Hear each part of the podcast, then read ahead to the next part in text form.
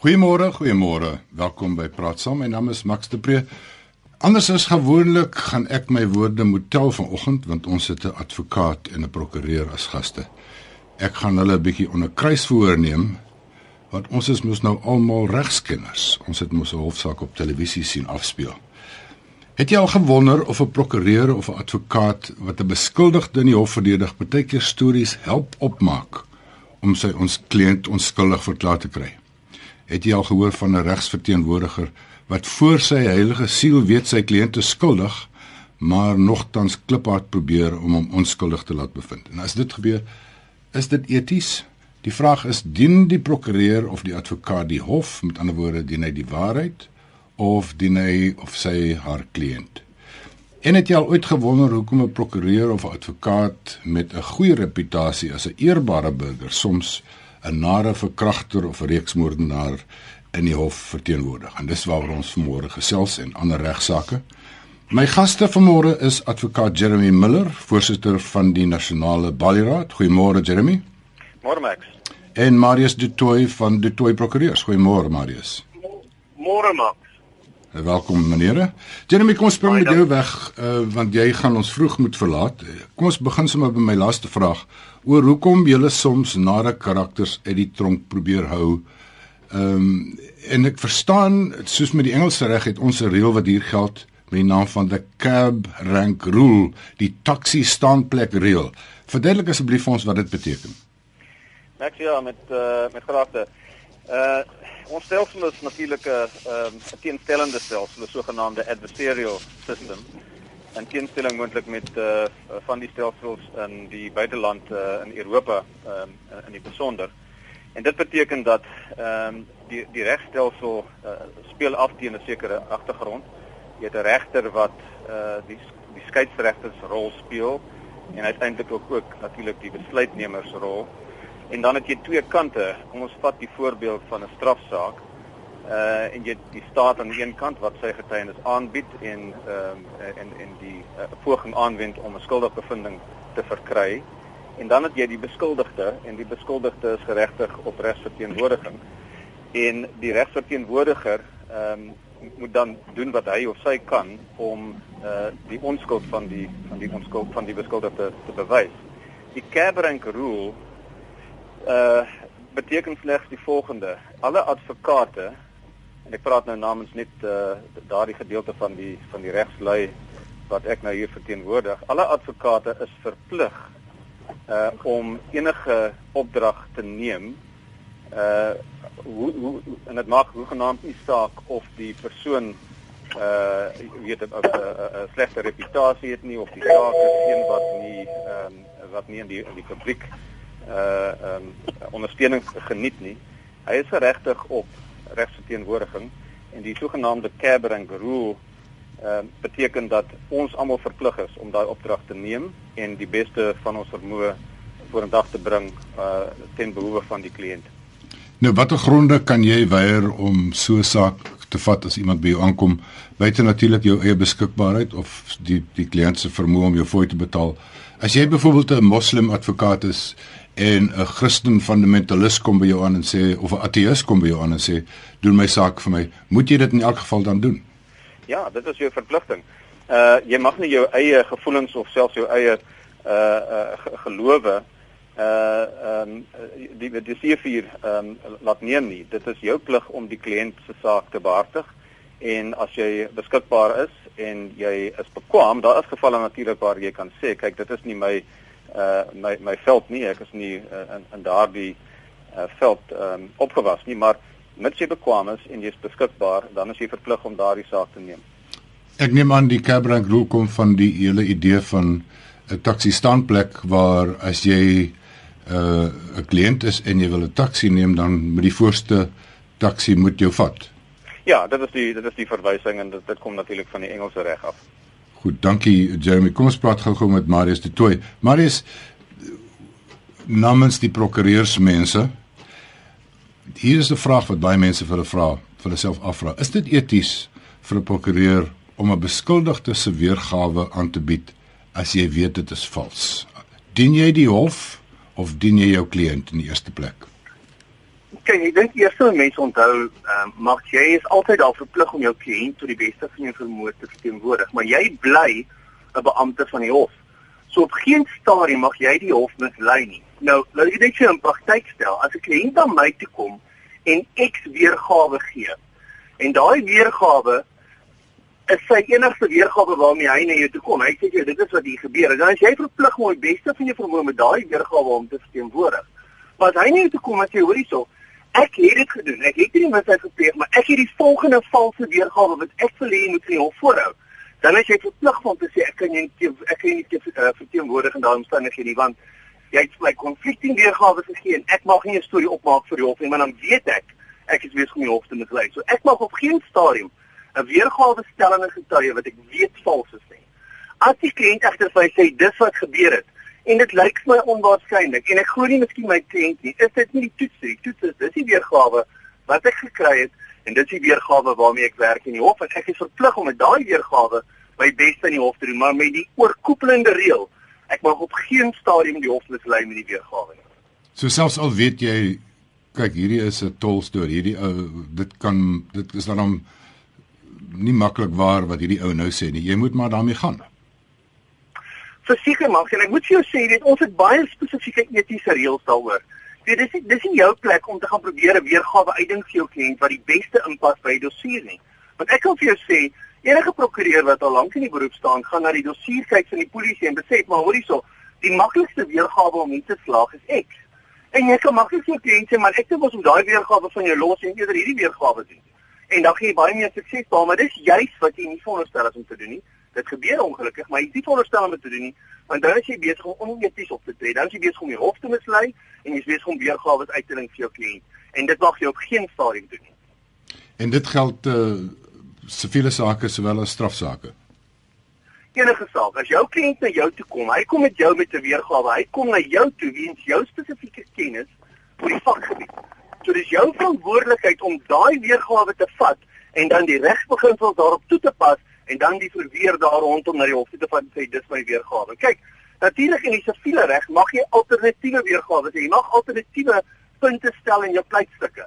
Maar in die strafsaake is dit natuurlik heeltemal onmoontlik. Jy gaan met een weergawe hof toe en dis die weergawe waarmee jy gaan uh, waarmee jy gaan bet.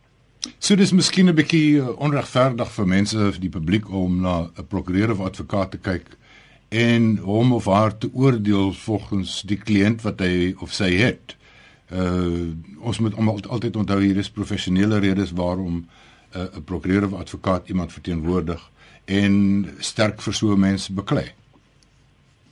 Absoluut mag. Ons moet eers ons onthou dat ons grondwet regverdig en nommer 1 verskans die feit dat elke persoon die reg het om sy eie prokureur aan te stel. Hy het die reg om 'n prokureur van sy keuse aan te stel. So hy het geregtig om te gaan met wie hy wil. Hy kan vir prokureur X of advokaat Y nie hof toe gaan en daai prokureur of advokaat is dan verplig om met daai weergawe van daai kliënt die beste van sy vermoë op te tree. En en nou het Jeremy gepraat oor die feit dat ons verplig is om die opdrag te vat en dit is natuurlik so maar dan moet ek onmiddellik in dieselfde asem dit kwalifiseer deur te sê as jy en die kliënt so verskil op sterkte van etiese gronde of op sterkte van etiese beginsels gaan dit baie vinnig maak dat die kliënt jou mandaat beëindig.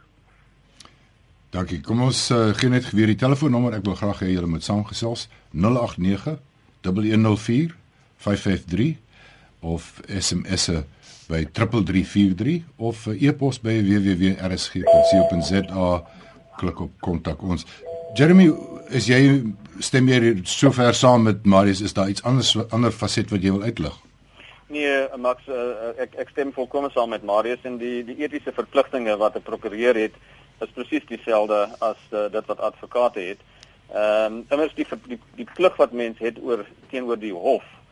Ehm um, C4 bo die plig wat jy het teenoor jou kliënt. In die sin dat jy nooit vir die hof enigiets kan sê wat jy weet verkeerd is nie. Jy kan nie uh jy kan nie aan 'n getuie iets stel wat jy weet uh, onwaar is nie. En daar praat ek nie van wat ek moontlik in my eie gemoed voel nie. Ek praat nie van die oordeel wat ek moontlik selfs kan vel oor die saak nie. Ek praat van 'n geval waar ek weet ek nie die getuienis het uh om om 'n uh, 'n uh, sekere stelling uh wat ek aan 'n getuie maak te staaf nie. Dit mag ek nie doen nie want dit is uh 'n verbreeking van my verpligting teenoor die hof om nooit 'n onwaarheid te vertel nie. ek mag my kliënt se weergawe vat soos Marius gesê het en ek mag die beste doen daarmee wat ek kan, maar ek kan nooit 'n uh, 'n positiewe uh, stelling maak wat ek weet onwaar is nie.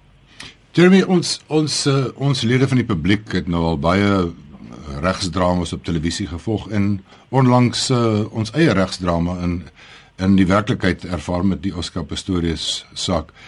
En ons sit en kyk na advokate wat uh, redelik robuust omgaan met getuies. Ja. Ehm um, en dan wonder ons jongens hierdie advokaat nie nou 'n boelie nie. Ehm um, hoe hoe moet ons as die publiek dit sien as jy soms rof raak in in kruisondervraging? Ja. Ehm um, Max kyk, daar is uh perke, daar is dis dis natuurlik moeilik om te sê uh bo sekere perke is iemand 'n boelie onder daai perke is hy maar net 'n baie goeie advokaat. Maar daar is klaar blyklik ehm um, uh, gedrags uh nie reëls nie, maar daar's 'n wyse van optrede in die hof. En daar is twee verpligtinge. Die een is op die advokaat natuurlik om uh binne sekere perke uh, op te tree. Ehm um, en dit is nie uh geoorloof om ehm um, om 'n boelie te wees in die hof nie. Maar daar's ook natuurlik 'n plig op die uh op die regter of die landdros om daardie reëls ehm um, uh, af te dwing. Dit is jou skeidsregter. En daar is dan 'n verpligting op hulle om uh seker te maak dat advokate of prokureurs nie daardie ehm um, daardie perke oorskry nie.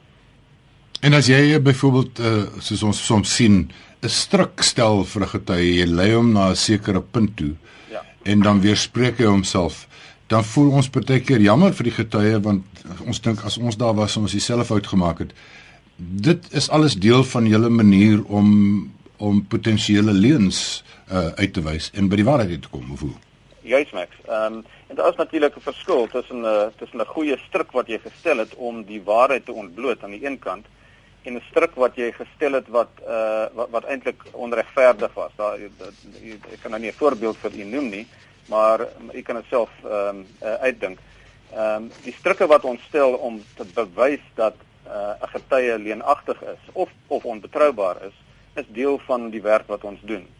Uh as jy dit op onregverdige wyse doen deur byvoorbeeld uh te sê wel daar gaan meneer Soonso gaan iets anders sê wat sê u nou en jy weet is nie waar nie, wel dis onregverdig. Um, en dit dis 'n stryk wat die die hof nie behoort te toelaat nie. Uh jy luister na Praat Saam. My naam is Max de Pre. Ons het so 'n bietjie probleme met die telefoonlyne. Ons gaan net nou weer probeer dat ek vinnig uh kyk na van die boodskappe wat ons gekry het. Christo van Spring sê 'n beskuldigde moet sweer hy praat die waarheid, maar die advokaat of prokureur mag die leuns mag leuns vertel. Dit is oneties. Uh, Harold Beckerling sê uh prokureurs en advokate is opgelei om nie te lieg nie, maar om die waarheid snaaks te praat. ek moet myself uithuur aan julle vir 'n vir 'n PR, meneere. Uh Anna sê geld motiveer regslei nie die reg nie. Ek is baie negatief oor hulle. Ek het nou al 'n paar keer in die koerante gelees as hulle vra vir die as hulle opnames maak en sê wie is die meer wat is die mees ongewilde beroep in die wêreld? Dan kom joernaliste gewoonlik uh, 10de uit 10 en prokureurs en advokate kom 9de. En ek het 'n paar voorbeelde hier voor my. Pierre de Villiers laat weet waarom het ons dan reeds op laerskool die gesegde geleer wat lui lieg soos 'n advokaat. Ehm um, Martin van Centurion sê daar word dikwels myneet gepleeg, maar ons hoor nooit van aanklagte teen sulke mense nie. Hoe gebeur dit? Ja, dis miskien 'n punt wat ons moet aansluit is kan jy as jy lieg in die hof van as 'n beskuldigde kan jy van my net aangekla word. Uh, Abel van der Merwe van Woester sê hoe groot is die rol wat geld speel? Ek is van mening as die regsverteenwoordiger sien daar is geld te maak, sal hy enige saak vat. Selfs al hy weet al weet hy hy gaan die saak verloor. En Johan van Pretoria sê die oues op pad hof toe toe vra sy vriend vir hom, "Het jy daarom 'n prokureur?" Toe sê hy, "Nee, ek het besluit om eerlik te wees." Nou ja. Dit lyk vir my Max dat uh, regslei en joernaliste is in goeie geselskap. Ehm ja. uh, kom ons gesels vinnig oor um, oor oor geld. Ehm um, veral na die Shrende Wani saak en die Oscar Pistorius geld. Is 'n saak is daar 'n persepsie dat daar verskillende reg en geregtigheid is vir rykes en armes. Is dit nou maar net onvermydelik uh, Jeremy? Ja, ek ek, ek dink tot 'n mate is dit is dit ongelukkig so en dit is wêreldwyd natuurlik dieselfde uh dit is nie net in ons land nie. Ehm um, daar is diegene wat die geld het om uh uitstekende regsverteenwoordiging uh, te bekostig en om 'n baie baie goeie verweer in strafsaak of ehm uh, of saak in 'n siviele saak uh te stel en die, daar is diegene wat dit net nie het nie. Nou die ideaalkaart blyklik is dat uh almal dieselfde kans gegee word en die regstelsel as sodanig probeer baie hard om te verseker dat daardie ideaal ehm um, uh, bewerkstellig word, maar die die ongelukkige uh, realiteit is dat daar daar is klaar blyklik uh, verskille in die kwaliteit ehm um, diens uh, uh, lewering wat jy kan bekostig as jy as jy 'n ryke persoon is. Ehm um, dit is nie te sê dat die dat die resultaat noodwendig anders is nie. Maar dit is om te erken dat eh uh, dat diegene met met die met die uh, vermoë eh uh, kan klaar blyk baie goeie ehm um, advokate en prokureurs en ander ehm um, uh, deskundiges uh, in diens neem om hulle saak te stel. 'n Bietjie soos uh, gesondheidshulp. Presies dieselfde uh konsep ja, dink ek. En en uh demokrasie soos ons in moet daarom na so 'n probleem kyk. Ons het 'n regshulpraad. Ehm um, is dit noodwendig so dat as iemand om regshulp aansoek doen, hy swakker regsverteenwoordiging gaan kry as iemand wat betaal? Vraag van my, Max. Definitief, ekskuus. Ja, ek, ek Marius, sal jy maar sommer inspring? Ek ek sal antwoord. Ehm um, ek dink definitief nie so nie. Weet weet jy mag in die verlede het ons het die regshulpraad bestaande uit dat hulle vir privaat prokureurs opdragte gegee het. Maar hierendaags word persone in poste aangestel. So jy het byvoorbeeld 'n persoon wat voorheen 'n privaat prokureur is wat nou 'n pos gevat het weens die salaris wat hulle betaal wat kompeteerend is wat nou in een spesifieke hof toegedeel is. So byvoorbeeld hier so in die kommersiële hof van Pretoria het jy 'n prokureur wat deur die regshulpraad aangestel word vir jou. Iemand met omtrent 15 of 20 jaar ondervinding, ondervinding van strafsaake. So die persepsie dat iemand wat na die regshulpraad toe gaan noodwendig uh, 'n persoon gaan kry wat onbekwaam is en nie weet wat hy doen nie. Ek wil amper sê daai persepsie is by die venster uit en ek dink regtig dat waar dat die ondervinding van die regshulpbeamptes op die oomblik beter is as wat dit ooit was. Die probleem is egter mag dat en en dit is iets wat wat wel 'n realiteit is dat die regspleging is waarskynlik beskore vir jou mense wat welgesteld is of mense wat vermoënd is en die mense wat brandarm is. Die ouens in die middel is eintlik die ouens wat die slegste daartoe is. Weet want die regsoperaad hmm. byvoorbeeld vereis dat jy en jou vrou 'n gekombineerde salaris van meer as R7000 'n maand verdien. So ek self indink onmiddellik is daar geweldig baie mense wat nie daai kategorie maak nie.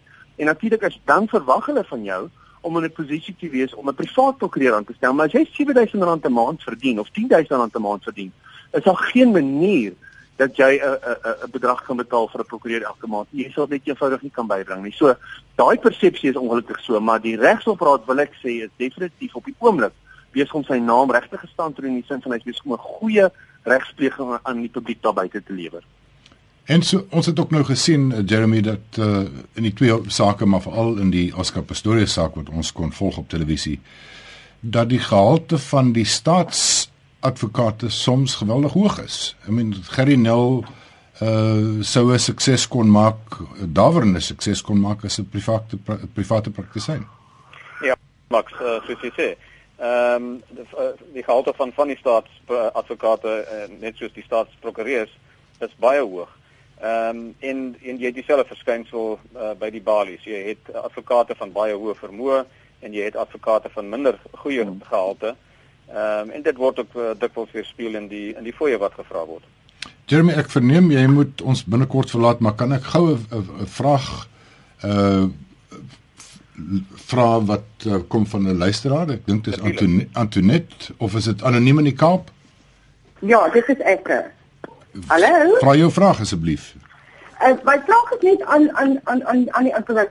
Ek het 'n saak gehad in in in die Kaap en die saak het redelik baie lank aangegaan. Die uh, die uh, uh staat het my verdedig.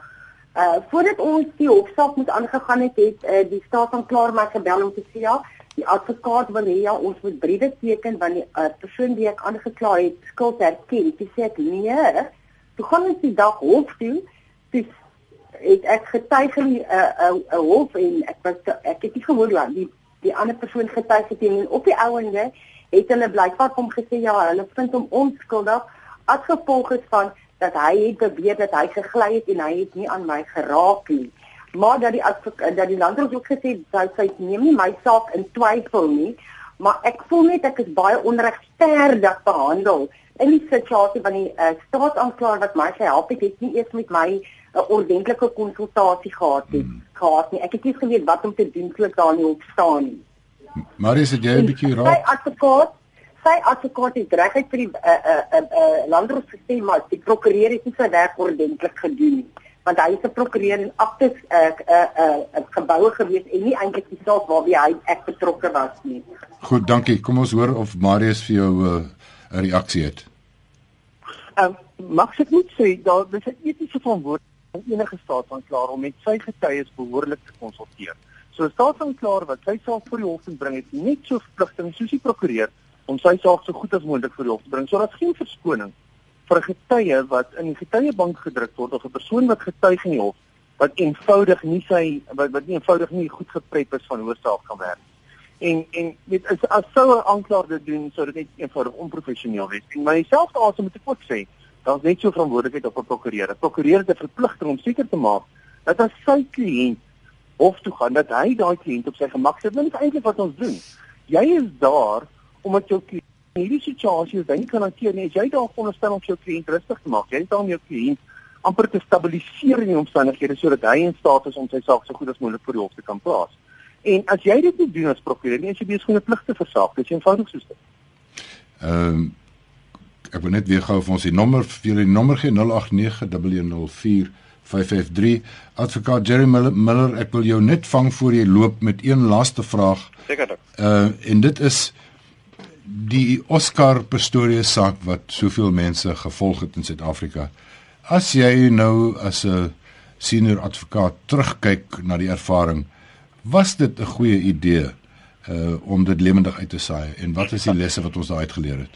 Max, uh meningsverskil daaroor. Ek uh, ek het ek het persoonlik 'n uh, 'n idee dat dit nie noodwendig die beste ding is nie. Ek uh, ek het 'n vermoede dat sodra jy ehm um, op hierdie wyse kameras in 'n hof toelaat, uh dan dan loop dit die gevaar dat dit die proses uh na mate verander dat dit uh dat dit uh, gevare skep vir vir 'n uh, um, vir due proses om die Engelse te gebruik.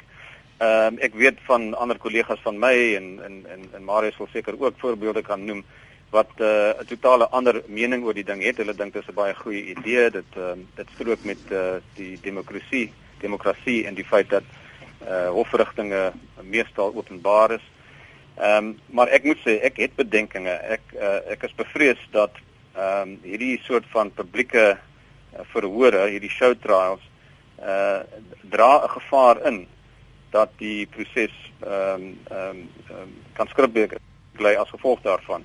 Maar dit is 'n bietjie van 'n 'n moeilike ding ehm um, en uh daar daar is daar is nou klaar werklik uh, menings hierdie kant toe en daai kant toe. Jy moet dan toegee die gewone publiek uh weet 'n bietjie meer van ons regstelsel. Ek meen geen geen Ons nou sommer 'n tuinier wat jy gaan vertel van dolus eventualis en so aan. dit is so, geen twyfel en dit is een van die groot voordele. Dit moet ek uh moet ek bysê. Ehm um, ek ek praat nie van die voordeel wat hierdie betrokke verhoor uh vir vir, vir, vir daardie uh, oog oogmerk ehm um, ge, uh, ge, gemaak het nie, maar ek is net 'n bietjie bekommerd oor die moontlikheid dat die ehm um, dat die uh dat die dat die dat die dat die, die uitslag van 'n verhoor baie keer ehm uh, beïnvloed kan word deur die publieke ehm um, aard geaardheid van die van van so 'n proses. Advokaat Jeremy Miller, ons sê vir jou dankie. Ons weet jy moet uh, elders heen gaan. Baie dankie vir jou deelname. Baie dankie Max. En sit eh uh, uh, Marius de Tooi gaan by my bly. Ons het Wynand in Pretoria aan die lyn. Ehm um, Wynand, jou vraag? Ek luister. Ehm um, ek wil graag vir die prokureur daar vra of sy aanklaers nie bietjie ehm um, uit hulle plek uit nie. Uh, wat my betref is 'n aanklaer 'n vredesregter en hy moet nie sy saak na die beste van sy vermoë stel nie. Hy moet die waarheid na die beste van die vermoë vorentoe bring. En dit gebeur nie in ons howe nie. En Gerry Nel was 'n duidelike bewys daarvan. Marius? Ja, mag dit tog 'n moeilike een nie. Kyk, ek dink 'n aantal wat mens verstaan, maar die Kan jy hoor? Ek kan jou nog hoor. Hallo? Ja. Ekskuus, ek het vir 'n oomblik gedink ek het weggeraak. uh, mag jy nie verstaan dat die staatsanklaer het 'n plig teenoor die hof. Hy sal veronderstel om objektief te wees. Hy is veronderstel om die hof by te staan en hy is veronderstel om regverdig sy saak voor die hof te plaas. Hy is nie 'n vrede regter dit is nie die reg die landros is 'n vrede regter, maar hy is daar as 'n beampte van die hof, net soos die prokureur, om alle etiese reëls na te kom. Maar dit is 'n redelike moeilike een, maar die staatsanklaer het 'n baie spesifieke mandaat. Hy het 'n mandaat om al die getuienis tot die beste van sy vermoë voor die hof te plaas sodat die hof in die beste moontlike posisie is om 'n beslissing te kan maak. As hy dit nie doen nie, versaak hy sy plig. En om daai getuienis so vir die hof te plaas dat die hof in 'n posisie is om te kan doen, kan baie keer lyk of die aanklaer natuurlik iemand is met 'n baie spesifieke roet dra of hy 'n persoon is wat 'n baie spesifieke amper 'n persecutor kan wees en jy kry dit ongelukkig. Maar daai aanklaer is veronderstel en verplig om fair te speel. Hy is veronderstel regverdig te speel. En dit beteken hy moet al die reëls nakom. Byvoorbeeld hy kan nie gaan en agteraf kom kom met getuies of getuienis weer fabriseer want jy moet onthou daai staatsaanklaer is iemand wat die hele staat tot sy beskikking het. Hy het al die polisie se se middele tot sy beskikking om 'n saak vir die hof te plaas en sou hy val in sy plig, kan hy die hof totaal en al mislei. En dit is waarom daar 'n verskriklike groot verantwoordelikheid op 'n aanklaer se skouers is om regverdig voor die hof sy saak te plaas. En ek moet jou sê Ek, ek dink die Gerinel is is onbillik geweest. Ek dink Gerinel is 'n fantastiese voorbeeld van 'n baie bekwame aanklaer. Het hy soms die reëls oorgesteek in die hof? Ja, maar nou moet mens onmiddellik by sê wie is daar om dit toe te pas? Dit is die verdediging en natuurlik die hof. Hmm. As die hof voel Gerinel het eenvoudig die reëls, die etiese reëls oorskry of hy miskien die reëls van billikheid oorskry en kry sy ondervraging, is dit regter Masipa se plig en verantwoordelikheid om dan in te tree te sê Gerry of advokaat, ek gaan nie hierdie toelaat nie herfraseer jou vraag of doen dit op 'n ander manier. So ek dink daar is daar is amper uh, om te sê daar's 'n uh, uh, um skrywer nie skrywer gehad nie, maar daar's balans ingebou in die hofstelsel sodat persone nie die reëls moet oorsteek nie. En natuurlik die feit dat die dossier blootgelê word aan die verdediging want kyk elke beskuldigde se saak is geskoei op 'n polisie dossier en daai polisie dossier anders is nie verlede waar dit nie blootgelê was nie word nou totaal blootgelê in die verdediging so die verdediging het amper 'n heads up Hulle weet presies wat se getuienis gaan kom. En vir daai rede is daar amper nou checks and balances in plek om seker te maak dat die staat nie sy reëls oorskry nie. Dis die stem van Marius de Tooy, prokureur van de Tooy Prokureurs. Hier's 'n ander Marius van die Weskaap wat vir my laat weet eet beteken niks in in die hof nie. Elke prokureur of advokaat sal sy kliënt probeer loskry ongeag of dit leuns is. Dit gaan oor geld en reputasie. Iemand anders vra ek wil weet word die prys wat 'n wetsgeleerde die kliënt vra tussen die verskillende amptenare verdeel. Dis nou seker die prokureur en die advokaat of wie ook al. Uh Rita nee, vra nee, gelukkig nie. Rita vra regsmense sê regmens regsmense werk vir geld. Hulle verdedig hulle kliënte ongeag of hulle skuldig is of nie. Hoor die fooi hoe harder beklei hulle in die hof om hulle kliënt los te kry of die ligste straf moontlik te kry. So eenvoudig soos dit alles gaan om geld en om die saak te wen. Hans sê dis soos die Engelsman sê a battle of wits en dit min met geregtigheid te maak. Uh, kom ons hoor wat sê Antoinette in Pretoria. Het jy 'n vraag of 'n mening Antoinette? Goeiemôre. Uh, Goeiemôre. Ek het 'n onder nare ondervinding. Ek is deur 'n prokureur in die steek gelaat. Ek is 74 jaar oud. Ek woon in 'n aftreeoord en ek wou 'n plekkie koop en daar het met die koopkontrak probleme gekom en die bestuur, die algemene bestuurder uh, was baie hard op my en en um, op die ou end het ek by die Gasfontein polisiestasie se trauma afdeling wonderlike wonderlike raad en ondersteuning en advies gekry en hulle sê toe man kry 'n prokureur wat ek toe doen en uh, die mannetjie sê toe vir my ekskuus ek sê mannetjie nie met minagting nie. Uh, uh, sê toe vir my uh, tannie moenie laat hulle jou intimideer nie. Moenie eers met hulle praat nie sê vir hulle dan talk to me talk to my lawyer. En ek was so dankbaar. En ek het toe nou alle alle dreigbriewe wat ek gekry het en dinge het ek deurgegee vir die prokureur en my nie aan hulle gesteer nie. En een aand toe kom ek by die huis en en uh, ek, ek ek ek werk nog uh, privaat onderwys. En ehm um, dis dis ek uitgesluit uit die eenheid uit en uh, ek die polisiestasie toe en daar was 'n joernalis wat 'n uh, bietjie nuus gesoek het seker en sy was geskok en uh, die polisie sê toe hulle sal sal nou reël dat ek in die aftreeoord se siekeboeg slaap die aand. Ja. En die joernalis uh, die, die polisie sê toe die joernalis sê vir my maar bel jou prokureur en ek wat ek toe doen en sy het in die agtergrond op 'n aanmerkings gemaak en op die ou end toe sê die toe sê die prokureur vir my uh, ek laat niemand met my so praat nie. Uh, ek onttrek my van hierdie saak en daar staan ek. Jo, ehm um, Marius de Tooi, ek dink jy moet bietjie agony aand ook speel vanmôre. Ehm um, wat is jou reaksie as jy so iets hoor? Die probleem is met staan die mag mense nie al die inligting nie. Mense weet nie waarom sy uitgesit was nie. Mense weet nie of daar rolbevel was of wat die toedrag van saak is. Kyk as 'n prokureur onprofessioneel opgetree het, mense onthou, die publiek kan dit regtig onthou. Daar's 'n instansie. Die Jeremy het vanoggend gepraat namens die algemene baanraad. Hulle tree op namens enige advokaat wat in sy werk doen. En dieselfde geld vir die prokureursorde van die noordelike provinsie hier in Pretoria.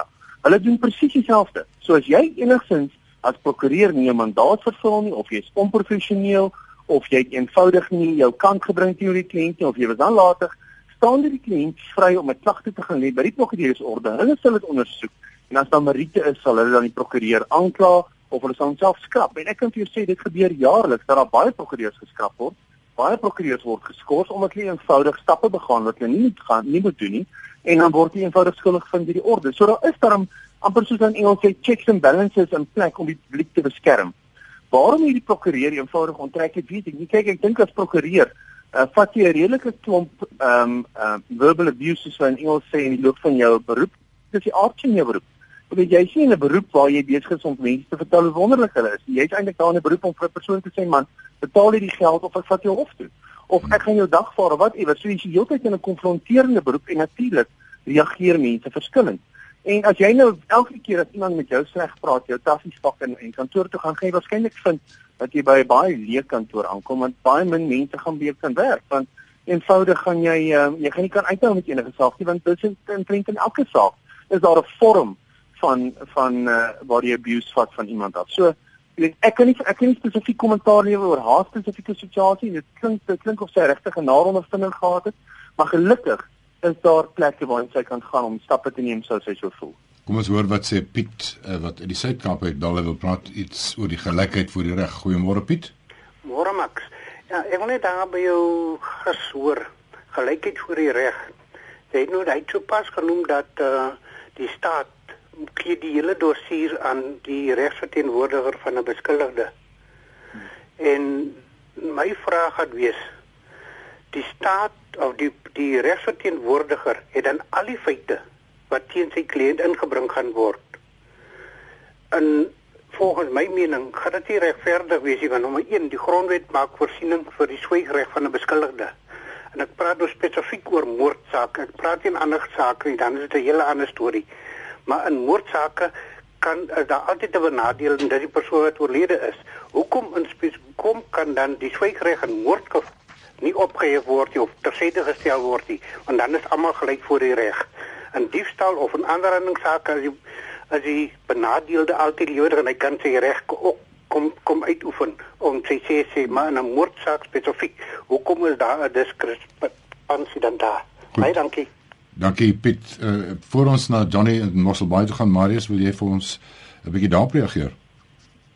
Ja, Max, ek dink mense moet onderskei tussen 'n geval waar 'n persoon direkte getuienis gee en waar 'n persoon hoorsê getuienis gee.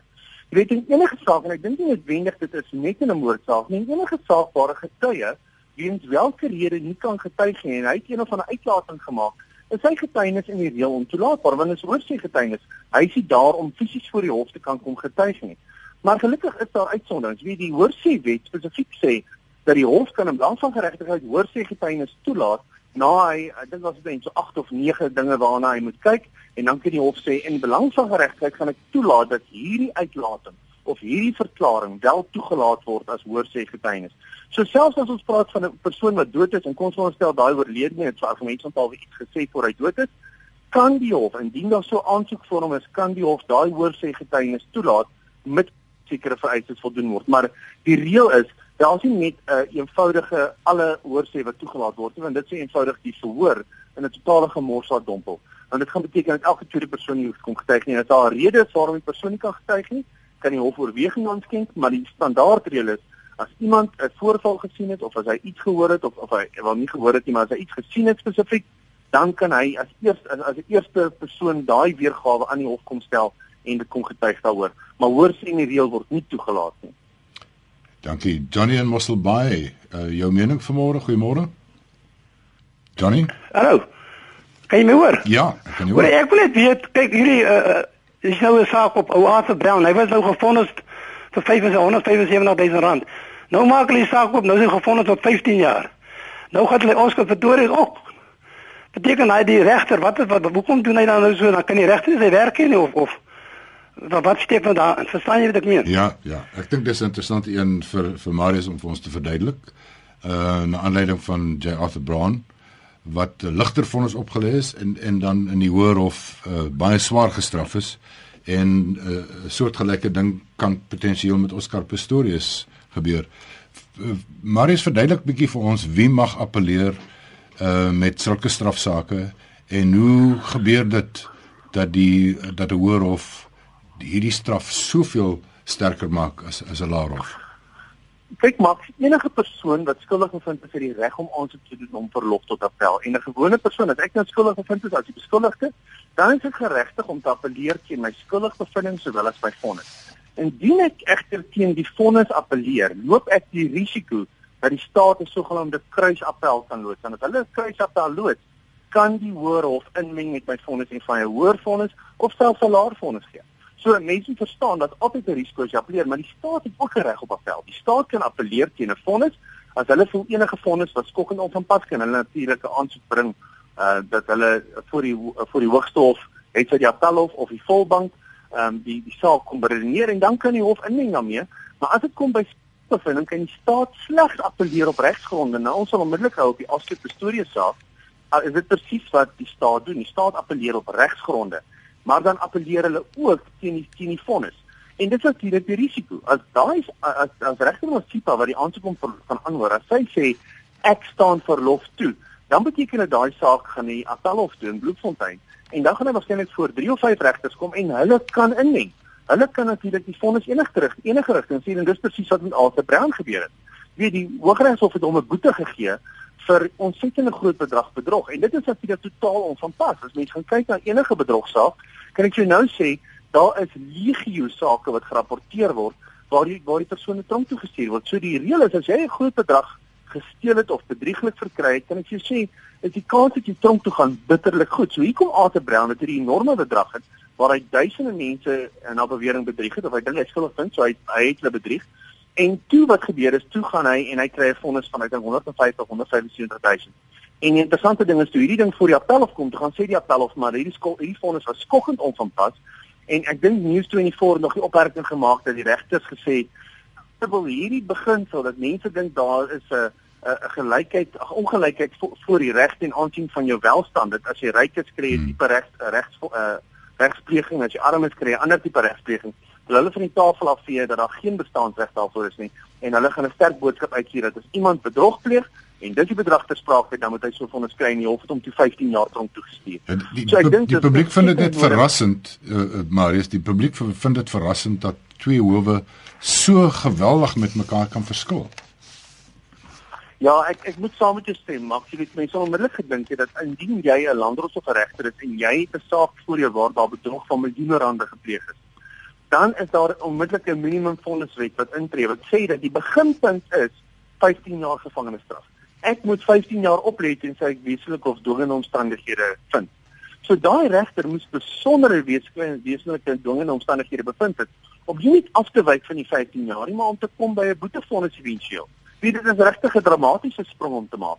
En ek dink vir daai rede, weet, laat dit definitief vraagtekens ontstaan van wat het werklik gebeur in daai hof en ek dink weet daai regter die feit dat hy so 'n uh, um, so 'n misstap begaan het, want dit is presies wat hy gedoen het, hy het 'n misstap begaan in die oë van die van die appelhof, gaan definitief sy bevordering as as regter definitief affekteer.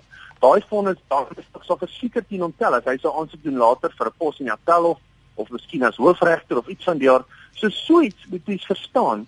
Dit is 'n kat op jou naam. Geen landdros wil 'n saak hê wat op appel uh, omgedraai word nie, want dit want dit reflekteer op jou, maar dan moet mens ook sê elke persoon is uniek maar. So weet ek en jy sien dinge verskillend.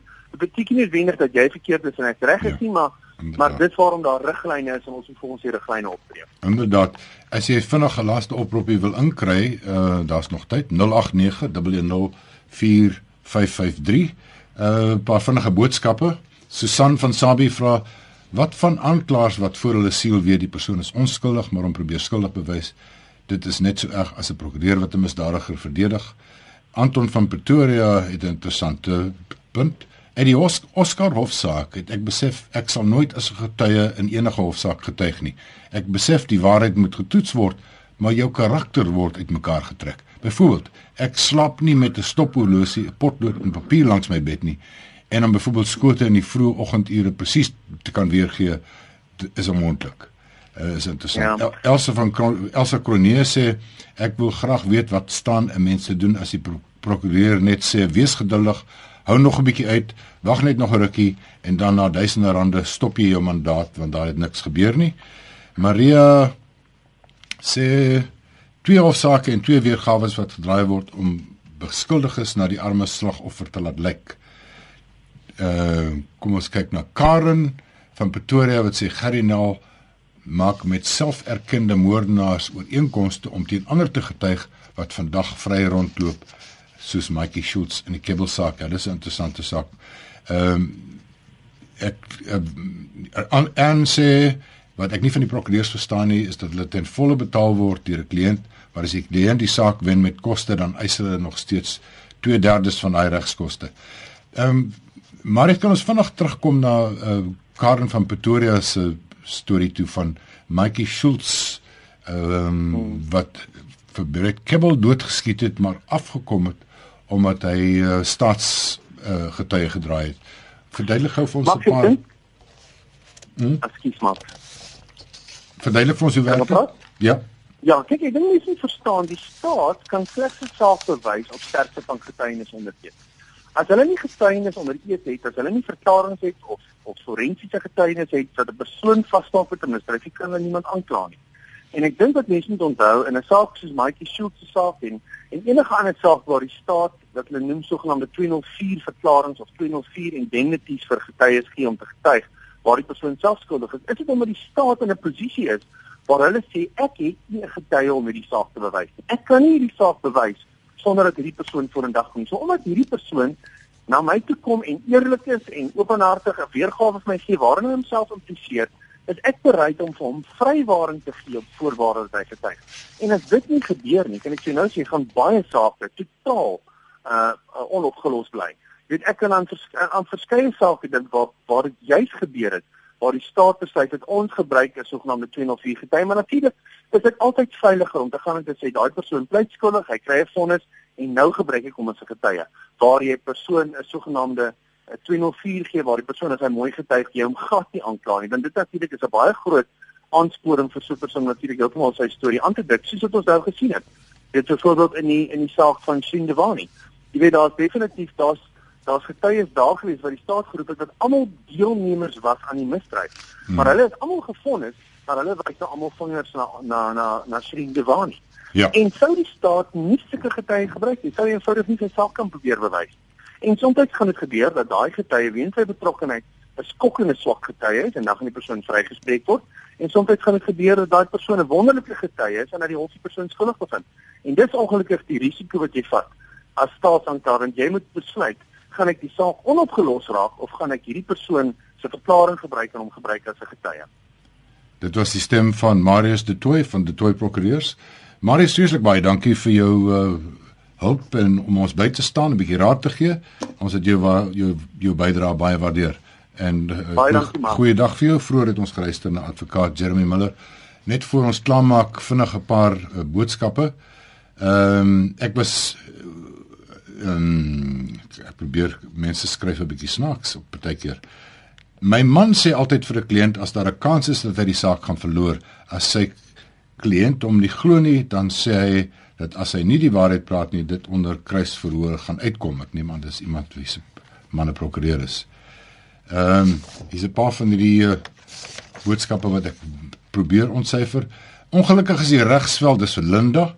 Ongelukkig is die regsveld baie grys en dis hoekom dit so 'n lang en duur proses is. Ek voel met tye asof regslei die proses uittrek eerder as om die doel te hê om vinnig te skik tot voordeel van die kliënt en nie hulle sak nie. Regs my regslui maak my bang ek vertrou hulle nie. Nou ja, dit is soveel vir ons soveel ons tyd het voor. Ek sê vir julle dankie vir die saam praat en saamgesels en dankie aan die gaste. Ehm um, kom ons skakel môreoggend weer in en gesels saam. Môre praat ons oor die internet en sosiale media en dit gaan 'n baie interessante gesprek wees. Goeiemôre.